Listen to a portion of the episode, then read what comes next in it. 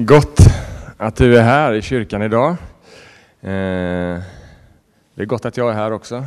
Det är som en höjdpunkt i veckan att få komma hit. Eh, och eh, på många sätt hade det varit fantastiskt att bara komma hit och få möta dig, för du är ju en ljuvlig människa. Eh, men också gott att komma tillsammans kring någonting som är så fundamentalt som förenar oss, och det är tron att Jesus Kristus inte bara har dött, utan han har också uppstått igen. Så att när vi samlas idag så samlas vi inför en levande Gud, inför en Gud som är närvarande, som har lovat att vara nära där vi samlas i hans namn. Så därför är det liksom en höjdpunkt varje söndag när Gud själv kallar oss att fira gudstjänst i hans närhet.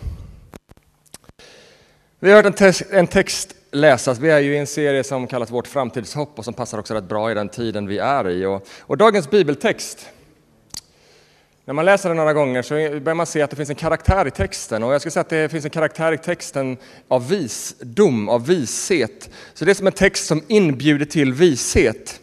Jag vet inte om vishet är ett sånt ord man går igång på i dagens tid. Vi kan gilla liksom snabba klipp och vi kan gilla liksom goda snabba råd och såna saker. Men, men, men, men Bibeln är full av visdom. Visdom för livet, alltså hur vi lever väl som människor. För vårt välmående men också för andras välmående och välgång. Och Paulus talar i dagens text om hur vi lever väl utifrån kunskapen att jorden så som vi känner den, jorden i det skick som den är nu, har ett bäst före-datum. Eller kanske ännu mer specifikt, hur vi lever väl i ljuset av Bibelns budskap att Jesus ska komma tillbaka igen för att återupprätta sin skapelse. Syndafallet, ni vet Adam och Eva käkade frukten, bröt mot Guds ordningar. Syndafallet på ett personligt plan skilde människan och Gud åt. På ett mer episkt plan, ett bredare perspektiv, så skedde en annan skilsmässa också i syndafallet. Och det var skilsmässan mellan det jordiska och det himmelska. Det jordiska och det himmelska skildes åt. Och så är det något fantastiskt som ska ske vid Jesu återkomst. Det är väldigt mycket tal om kärnkraft idag och då är det fission tror jag som gäller. Men, vid Jesu återkomst så ska det ske någonting som är motsatt till fission, nämligen en grandios fusion där återigen det jordiska och det himmelska ska mötas igen och inte bara mötas utan förenas. En vacker framtidsvision. Vi är i Alla helgona-helgen och igår, vi har en tradition, vi har gjort det sedan barnen var små, åker vi och så tänder vi ljus vid, i detta fallet, en morfars grav. Det kan vara andras gravar också. Eh, och på något sätt så, så, så vi har sagt att vi vill göra det med barnen. Vi vill att det här ska vara naturligt för dem, att dels liksom förstå livets gång, men också förstå det större hoppet som finns. Så vi är i den här alla helgona tiden och idag i kalendern så är det alla själars dag. Och det är liksom en tid som går, där vi liksom våra tankar går mot dem, eller till dem som har gått före oss. Det är en tid av saknad, det går inte att komma undan. Men det är också en tid av tacksamhet. Och för den som är troende också en tid av hopp. Men det är också en tid, en helg, som leder våra tankar till döden, kanske på ett personligt plan. Man börjar reflektera över livet och döden. Och vad finns på andra sidan av detta livet? Vad finns på andra sidan av döden? Och när jag funderade lite på det här så insåg jag att Bibelns budskap om döden har på många sätt samma liksom syften som Bibelns tal om Jesu återkomst liksom, när Bibeln talar om, om döden eller om Jesu återkomst så är budskapet och syftet väldigt mycket detsamma. Just detta som jag redan har nämnt, att få oss att leva vist. Både vad gäller Bibelns varningar, för Bibeln är full av varningar inför döden och det eviga perspektivet, men också att leva vist i ljuset av det hopp som Bibeln målar. En annan intressant sak som jag tänkte på är att Bibelns budskap är på många sätt i linje med vad den människa som inte tror på Gud och på liv efter döden får antas tro. För vad ska man tro om man inte tror på ett liv efter döden och inte på Gud? Jo, att efter döden väntar just död. Och det är vad Bibeln också talar om. Död efter död. Och det är just precis det som också Bibeln varnar för. Därför att människan är inte skapad för död, utan för liv. Det finns ett allvarsbudskap som vi alltför ofta inte pratar om, men Bibeln pratar om det. Det finns olika teologiska slutsatser om vad Bibelns tal om död efter döden eller den andra döden, vad det innebär. Och vi hoppas, vi håller på att prata om det i ledarskapet, att vi hoppas få planera in ett, en bibelbrunch längre fram eller ett längre bibelstudie där vi får tala om, om vad, vad de här perspektiven, livet efter döden och vad det här död efter död kan betyda. Eh, men tanken som sådan är egentligen inte, vi bara tar det enkla perspektivet, är egentligen inte så konstig utan en helt logisk konsekvens i en värld där Gud suddats ut, att utan Gud finns inget hopp efter döden. Inga konstigheter. Men så målar Bibeln någonting så fantastiskt, ett hopp som lyser starkare än solen. Ett hopp som inte kan döljas eller suddas bort från Bibelns blad. Ett hopp som är tänkt att lysa upp vägen för varje människa. Ett ljus som lyser mot den framtid som människan är skapad för. Men också för att lysa upp våra steg här och nu. Att leva vist här och nu i ljuset av det hopp som Bibeln talar om, om ett liv efter döden. Jag har varit på många begravningar i mitt liv, men kanske förra sommaren var speciellt därför att då begravde jag min mormor och min mammas mor. Eh, och, eh, min första begravning och min enda begravning jag har gjort. Och väldigt speciellt på det sättet att begrava en så nära betydelsefull person. Smärtsamt, såklart. Utmanande att inför en sorgfylld kyrka leda begravningen. Men samtidigt slog det mig, i allt det här liksom som mycket tårar och känslor, så slog det mig vilket otroligt hopp, en ström av hopp och ljus som bar igenom hela begravningsgudstjänsten, men också genom hela den här tiden av sorg, så slog, klingade hoppet högre och tydligare. Att det som sås i förgänglighet ska uppstå i oförgänglighet. Att det som sås i svaghet ska uppstå i kraft. Precis som Bibeln säger, wow, vilket hopp som finns, som bär genom allt. Därför säger Paulus två kapitel, eh, ett kapitel tidigare än vad vi har läst här idag i första Thessalonikerbrevet 4, att därför så sörjer inte de som eh, eh, Därför så sörjer inte vi på samma sätt som de som är utan hopp. Det är en annan typ av sorg. Därför att vi tror att Jesu, i Jesu uppståndelse så har vägen öppnat så att den som tror på honom ska leva och ha ett evigt liv om man än dör. Och Det är samma hopp som Paulus refererar till i den text som vi hörde Joel läsa idag i vers 10. Han dog för oss för att vi alltid ska leva med honom. Det är vårt kristna hopp. Det är ett hopp som vi vill förkunna för hela världen. Det är ett hopp värt att förkunna för hela världen, för varje människa. Att man inte är skapad, du är inte skapad för att leva och dö finito. Du är inte skapad för evig död, du är skapad för evigt liv. Har vi något budskap? Jag var inne på samma spår förra veckan. Vi har ett budskap av hopp till vår tid, till varje människa. Det finns ingen människa som kan gå oberörd inför detta kristna hoppet att man är skapad att leva bortom döden, där döden är ett port. Genom tron är den en port till ett liv i överflöd, i fullkomlighet, i evighet. Wow! Vishet, det är att leva i ljuset av dessa eviga perspektiv. I ljuset av Jesu återkomst och Jesu löfte om liv efter döden. Och Scott McKnight, eh, en teolog, predikant, präst, eh, och han har skrivit en av mina favoritböcker som heter One Life. Och där skriver han på det här temat så här. Jag har blivit gammal nog för att undra vad som finns på andra sidan. Och jag har kommit fram till följande slutsats. Om jag har ett liv, om det finns ett liv efter döden, och om det livet är för evigt och i evighet, då vill jag leva nu med tanke på den längre livstiden. Att ignorera evigheten är dumt.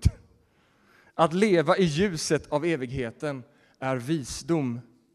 Men ja, det finns vissa människor som fokuserar för mycket på framtiden och för lite på nuet.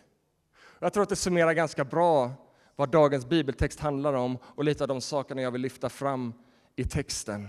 Att leva i ljuset av Jesu återkomst, men utan att sluta att leva här och nu.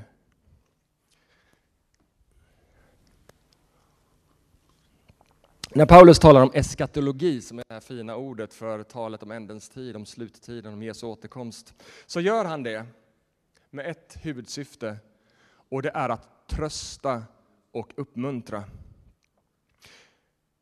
Talet om Jesu återkomst är något positivt. Jag vet inte hur det är för dig, men ibland i perioder så har jag upplevt det som att det är något tvärtom. En del har liksom talat om, om tidens slut som något skrämmande, en tid då allt ska brinna och, och till sist så kommer vi liksom räddas som ur en eldsvåda. Jag har inte svaret på hur allt kommer att bli vid tidens slut, det har ingen av oss. Men däremot så tycker jag mig se att det skönjas, liksom det lyfts fram en annan bild i Bibeln, en bild av hopp. Mer kontinuitet än att allt ska förstöras. Bibeln talar om en ny himmel och en ny jord. Och vad jag förstår om i grundtexten så talar det om en, en, en jord förnyad i kvalitet. En förnyad jord, förnyad i kvalitet. Alltså det gamla klotet som vi står på. det ska upprättas, det ska förnyas i kvalitet, det ska upprättas och liksom kläs i någon form av evig skönhet, utan synd, i fullkomlighet, utan ondska. Bibeln målar en positiv framtidsvision. Jag tror att det är ingen slump att Paulus ramar in talet idag, den texten som vi läser idag. När han liksom återupprepar orden. I, vers, I kapitel 14-18 säger han trösta och uppmuntra varandra med dessa ord. Och sen så sista versen som vi läste idag. Därför ska ni uppmuntra varandra och bygga upp varandra så som ni redan gör. Det är tal om hopp. Det är något ljuvligt, det är en ljus framtid, det finns något positivt som väntar på oss. Och de som har gått före, jag har en lillebror också i himlen, han har gått före. Det är en positiv framtidsvision, det är ingen mörker, det finns ett hopp. Och det bär igenom allt. Att vi ska få mötas igen. Så därför kan vi trösta varandra. Jag vet det är smärtsamt i livet. En del kanske har varit med om att, att släktingar eller familjemedlemmar eller annat har gått bort under det här året. Och det är tufft, det är jobbigt, men det finns en ström som bär igenom allt. Om vi riktar vår blick mot honom som är där uppe, han som har lovat att han ska komma igen. Han som har lovat en evighet tillsammans med honom för var och en som tror. Och jag tror att varenda barn tillhör där uppe, så har du varit med om att barn har gått bort. Jag är helt övertygad om att de finns där i himlen, de tillhör Jesus. Det är min övertygelse. Därför kan vi bygga upp varandra och vi kan trösta varandra med dessa ord. Och Paulus uppmuntran till församlingen fortsätter. Och han säger i vers 5.1. Om tider och stunder behöver vi inte skriva till er om, syskon, för ni vet redan mycket väl. Vad är det för tider och stunder som Paulus talar om? Kronos och kairos grekiska ord för tidsperioder och specifika tider. Vad är det för tidsperioder? Vad är det för specifika stunder som han talar om? Det här behöver jag inte skriva till er om, säger han.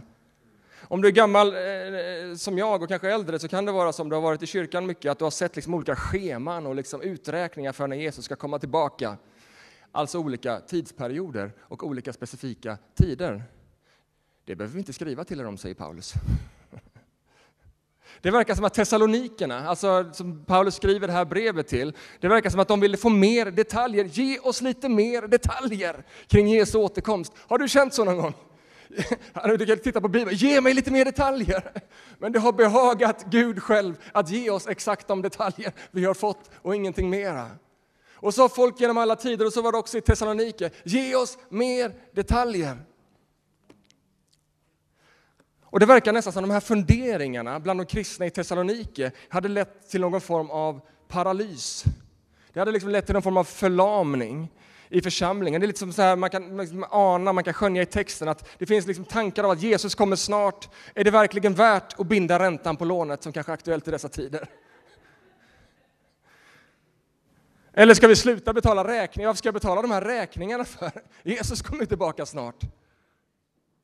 Eller ska vi sälja huset? Bara lämna allt, vi kan tälta för Jesus kommer snart. Eller kanske sluta jobba, som är det specifika exemplet som texten tar upp i kapitel 4. Sluta jobba för Jesus kommer, upp snart, kommer snart. Det fanns de som, som, som ville lägga av med det där. Men Paulus budskap i texten är fortsätt leva. Fortsätt lev. Att inte låta sig upptas av dessa frågor, av dessa tidsepoker och dessa stunder på ett sådant sätt som leder till paralys och världsfrånvändhet. Fortsätt älska varandra. Om man tittar med liksom min, min parafras på kapitel 4, vers 10-12 är fortsätt älska varandra. Fortsätt arbeta, fortsätt gå till jobbet. Sätt en ära i att fortsätta leva i livets goda lunk. Det är Paulus budskap till församlingen i Thessalonike. Om Kronos och Kairos behöver vi inte skriva, för ni vet, ni vet redan allt ni behöver veta. Att Herrens dag, fortsätter han, kommer som en tjuv om natten. Just när människorna säger det råder fred och trygghet, allt verkar bra, då drabbas de av katastrofen. Lika plötsligt som när verkarna sätter in hos en kvinna som ska föda barn och ingen ska komma undan. Vad är det han säger här? Det låter ju negativt. Nej, Paulus talar om någonting positivt, om man använder en negativ bild för att tala om någonting positivt. Och hur kommer en tjuv om natten? Ja, lämpligtvis vid en tid då vi inte kan förutse. Då hade vi liksom sett till att inte det gick att göra något inbrott. Vid en tid vi inte kan förutse. Hur föds ett barn in i världen? Väntat, men plötsligt. Eller hur?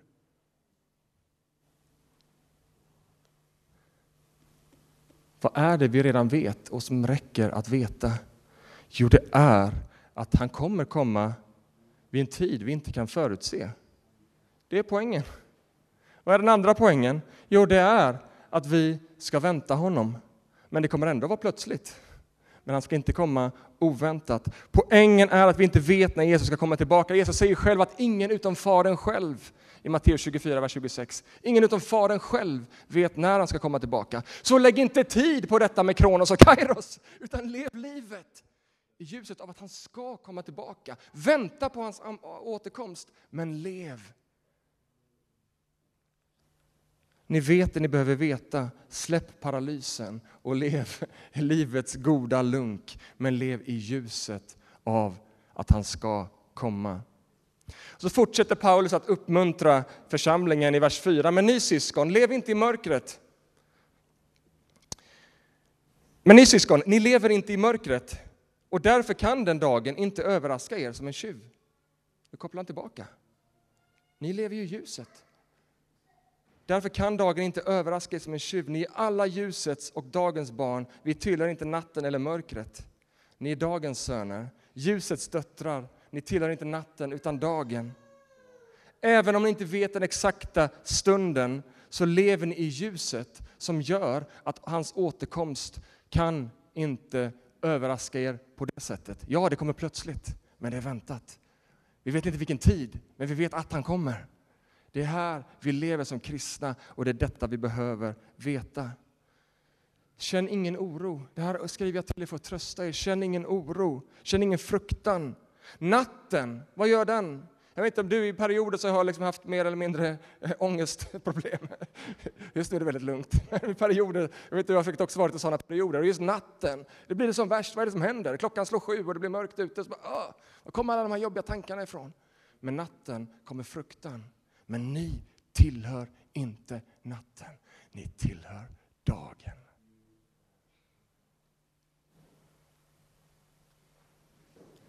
Ni är ljusets barn. Paulus uppmuntrar er i något som ni redan är. Ni är ljusets barn. Jag vet om en del av er här inne behöver reidentifiera er. Ni undrar, vad är jag egentligen? är jag en kristen? Är jag liksom, vad är jag för någonting? Och lever jag som Gud? Ja, Paulus talar ut över dig. Du lever i ljuset. Du tillhör dagen. Det är dags att identifiera dig om du tror på Jesus som ett Guds barn, som ett ljusets barn. Dagen tillhör dig. Ja, men hur ska det gå med evigheten? Jag lever inte så bra. Evigheten tillhör dig. Dagen tillhör dig. Jesu återkomst tillhör dig. Och livet i ljuset står i kontrast till livet i mörkret. Vi tillhör inte natten, säger han i vers 5. Vi tillhör inte mörkret. Därför får vi inte sova som de andra, utan måste hålla oss vakna, vakna och, och nyktra. I Thessalonike så förekom tillbedjan av avgudar. Bland annat Dionys, Dion, Dionysus. Försök själv när du står inför folk. Någon kanske vet vem den här var? Vinets gud. Och eh, i, I Thessalonike och i regionen där så, så tillbad man vinets gud med liksom rus och fester och orgier på nätterna och riter på nätterna. Så Paulus tar inte bara ett exempel ifrån luften här, liksom, utan han liksom tar något som är relevant för dem. Både mörker och onykterhet gör att det är svårt att se klart. Och jag tror att Paulus använder det här som ett bildspråk för att tala om ett ointresse. Och jag tycker jag möter det i vår tid också, det är ett ointresse. Det, är, jag menar, hur, hur liksom det här med vishet inför livet och inför evigheten, hur många är det som på riktigt tänker? Paulus utmanade. Han utmanade det här ointresset. Var inte som de som bara lever i, liksom bara, och inte intresserad att fundera och reflektera eh, liksom över livets mening och evigheten. Livet är för dyrbart för att slösas bort. Det tror jag är vad Paulus säger. Livet är för dyrbart för att inte leva för det högre syfte som Gud har skapat dig för. Och vår tid kanske inte är så där uppenbart liksom håller på med olika avgudar som tillbeds åt höger och vänster. Åtminstone är vi inte medvetna om det. Men vår tid präglas av meningslöshet och hopplöshet. Det är så utbrett så vi kanske knappt reflekterar över det. Hur barn och unga mår, hur, hur, hur människor mår. Det finns en utbredd hopplöshet och meningslöshet. Vår tid behöver höra om hoppet. Vår tid behöver höra om ljuset. Vår tid behöver höra om dagen. Vår tid behöver höra om att det finns ett liv som bär in i evigheten. Och att varje människa är skapad för det livet, för gemenskap med Gud och evigt liv. Och så mitt i all uppmuntran, för nu har han hållit på att uppmuntra här, så kommer en uppmaning till oss troende. Att inte slarva med det som Gud har gett oss.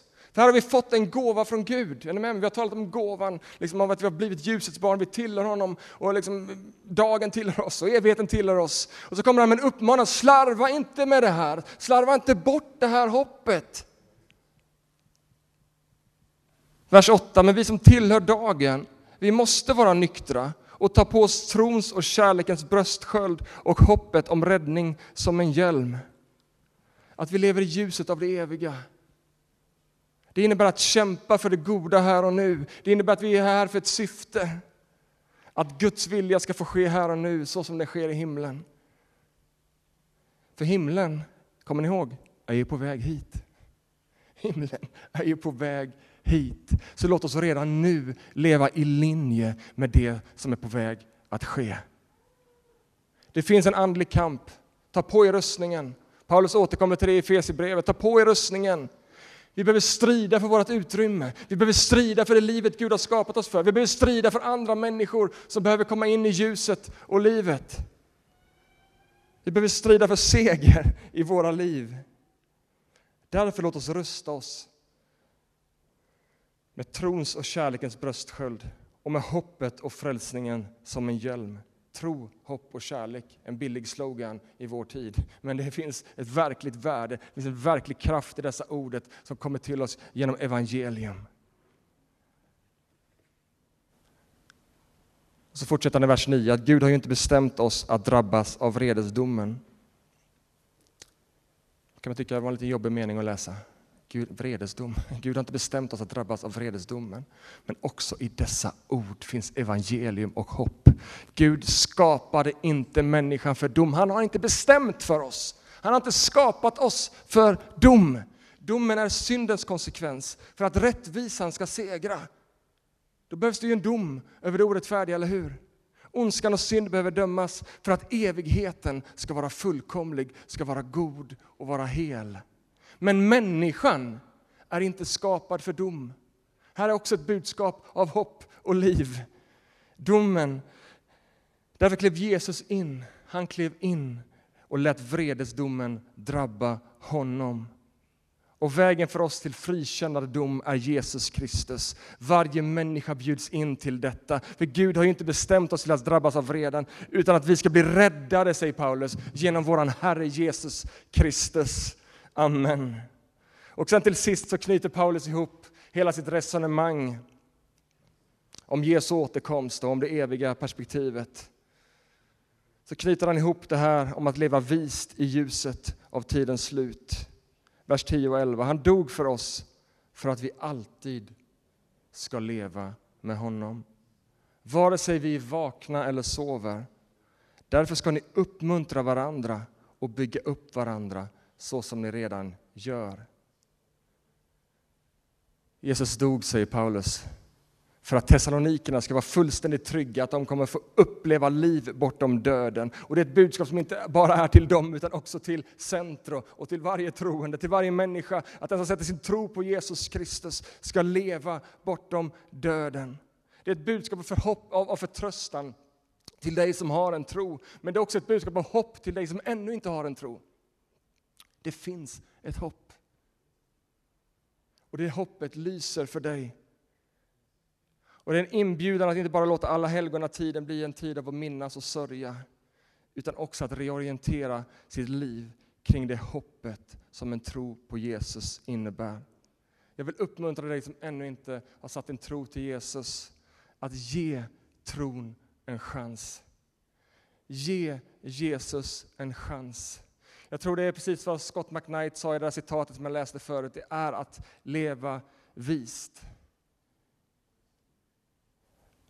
Tänk om det är sant. Tänk om det finns ett hopp som bär. Ge Jesus en chans. också för dig som redan tror. Låt Bibelns budskap, låt den här predikan idag få inspirera att dela det här hoppet med andra människor. Vi startar Alfa den här veckan på torsdag. Det är liksom ett ypperligt tillfälle att bjuda in till att upptäcka det här hoppet. Han dog för oss för att vi för alltid ska leva med honom, vare sig vi är vakna eller sover. Vare sig vi sover eller är vakna så tillhör vi Jesus och har evigt liv i honom. Det där att vara vare sig vi vaknar eller sover, det kan betyda många olika saker. Det innebär att du behöver inte hålla dig vaken hela tiden. alltså rent fysiskt. Det är okej att ligga i sängen och sova när Jesus kommer. Men det innebär också att de som har gått före, som har somnat in före oss, innan, de som har somnat in innan Jesu återkomst, också de får möta Jesus. Också evigheten tillhör dem. Också de får uppstå till det eviga livet. Men det innebär också ett perspektiv till som är så starkt och så mäktigt och som är så evangelium genomsyrat. Därför att Paulus använder i texten det här ordet sova, det här begreppet, för de som har slumrat till i sin tro.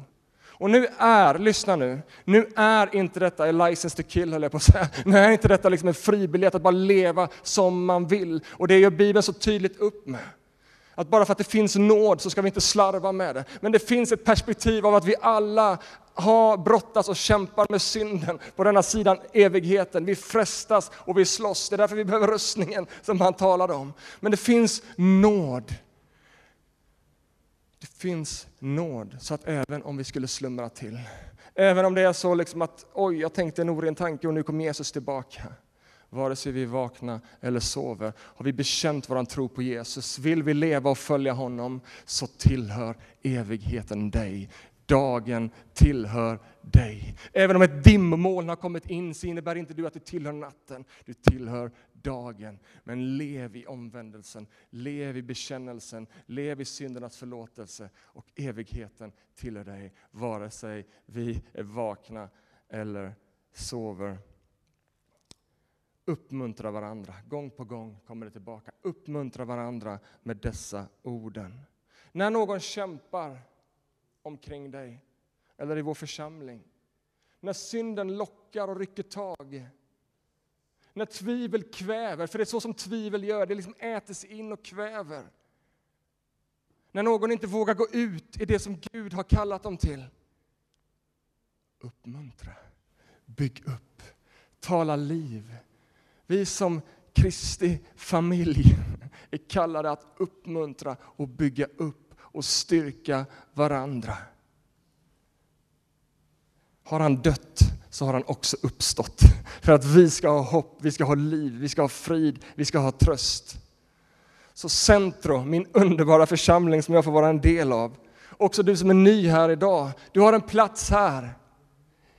Dagen tillhör dig. Den här församlingen tillhör dig, evigheten tillhör dig. Gud har så mycket gott för dig. Så nu vill jag bara uppmuntra dig att bara leva, dels att leva i ljuset av att han ska komma tillbaka, att leva vist. Men jag vill också uppmuntra dig att bara gå ut i det som Gud kallar dig till. Jag vill uppmuntra dig att ta livet med Jesus på allvar. Jag vill uppmuntra dig att inte leva slarvigt, att inte bara strunta som att ingenting betyder någonting. Du är kallad av Gud själv att sprida ljuset i den här världen. Att vara iklädd hoppet, kärleken och tron för att lysa upp vägen för någon annan. Så att vi nästa år vid den här tidpunkten så är kyrkan full, är ni med mig? För att vi har bjudit in människor till hoppet. Hoppet som är för varje människa. Bygg upp varandra så att Guds rike får komma. Att Guds vilja får ske i våra liv, i vår stad och ut över vår värld, så som det sker i himlen. Gud välsigne dig. Amen. Herre, jag tackar dig för ditt ord som är levande och verksamt. Oavsett hur jag har lyckats predika detta ordet, Herre, så är ditt ord alltid levande och verksamt. Ditt ord berör och ger liv. Och jag ber nu Herre att du ska beröra och tala in i våra liv Herre. Ska vi ställa oss upp tillsammans så ska vi snart sjunga en lovsång. Vi bara tar en kort stund och bara står i Herrens närhet. Gud talar till dig. Den helige Ande ger dig bilder, visioner och drömmar. Den helige Ande vill tala liv in i dig. Den helige Ande vill ge dig tankar, idéer, tröst, vishet, förmaning, liv. Så vi står en stund i stillhet och så ber vi Kom helig Ande.